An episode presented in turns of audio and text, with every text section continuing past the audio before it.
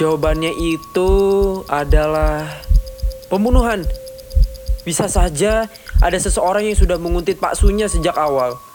Hingga Pak Sunya menginap di hotel ini. Seseorang itu bisa saja memiliki kenalan di dalam hotel. Sehingga mampu melancarkan aksi pembunuhannya. Kesimpulan yang logis. Tapi jika tidak ditemukan barang bukti, kemungkinan besar barang bukti tersebut mudah lenyap, hilang, ataupun sudah habis. Contohnya racun. Racun kemungkinan besar bila digunakan untuk membunuh akan menghilangkan barang bukti. Terlebih, reaksi umum dari racun adalah mulut mengeluarkan busa. Sama persis seperti keadaan Pak Sunya.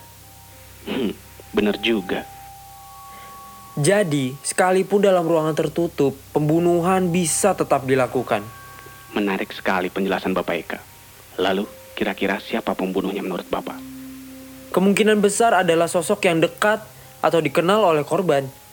Untuk melancarkan aksinya, pastinya pelaku telah mengamati segala gerak-gerik, kebiasaan ataupun kegiatan yang akan dilakukan oleh korban selama beberapa waktu ke belakang. Dari pengamatan dan kedekatan antara pelaku dengan korban, pelaku akan mendapatkan segala informasi yang dibutuhkan termasuk kemungkinan korban akan bermalam di Kalas Hotel. Dari informasi itulah pelaku menguntit dan melancarkan aksinya. Hmm, bisa jadi. Kemudian pelaku pasti mengetahui kebiasaan korban termasuk jenis makanan atau minuman yang biasa dikonsumsi oleh korban. Pelaku akan memberikan racun dan sejumlah uang agar kenalan hotelnya mau melaksanakan perintah pelaku. Lalu, kenalan hotel tersebut akan menyisipkan racun dalam makanan atau minuman yang telah dipesan oleh korban. Setelah korban mengonsumsi makanan atau minuman tersebut, korban pasti akan keracunan dan mati. Luar biasa sekali penjelasan Bapak Eka. Terima kasih telah menjawab pertanyaan dari saya. Dan terima kasih telah mengikuti permainan Midnight Murder Show. Tentu saja jawaban Bapak Eka benar. Menurut keyakinan Bapak sendiri. Apa maksudmu? Mohon maaf Bapak Eka, tapi saya sudah memberitahukan sebelumnya. Selamat malam Bapak dan Ibu sekalian. Selamat datang di Kalas Hotel. Dan selamat datang kembali di permainan Midnight Murder Show. Sebuah permainan untuk mengasah kepintaran, kreativitas, dan emosional Bapak Ibu sekalian. Dalam menjawab pertanyaan yang akan saya berikan terhadap kasus yang terjadi di Kalas Hotel.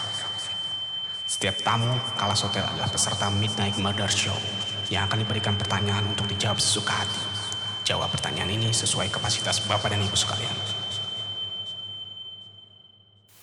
Kalau jawabannya menurut keyakinanku sendiri, lalu jawaban sebenarnya itu apa?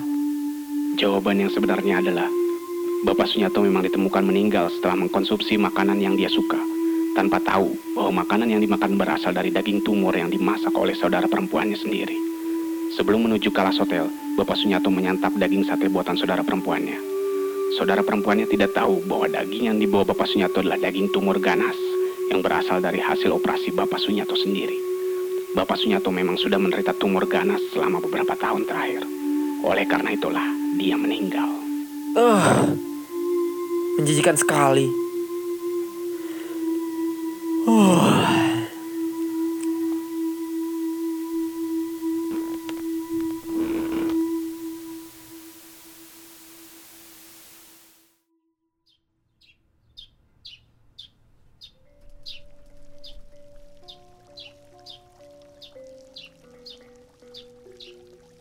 Mohon dicek kembali barang bawaannya, Pak. Hmm, sudah semua. Apakah ada yang bisa kami bantu lagi, Bapak? Tidak. Terima kasih sudah membantu. Terima kasih atas kunjungan Bapak di Kalas Hotel. Sampai bertemu lagi di kesempatan berikutnya dan selamat jalan, Pak.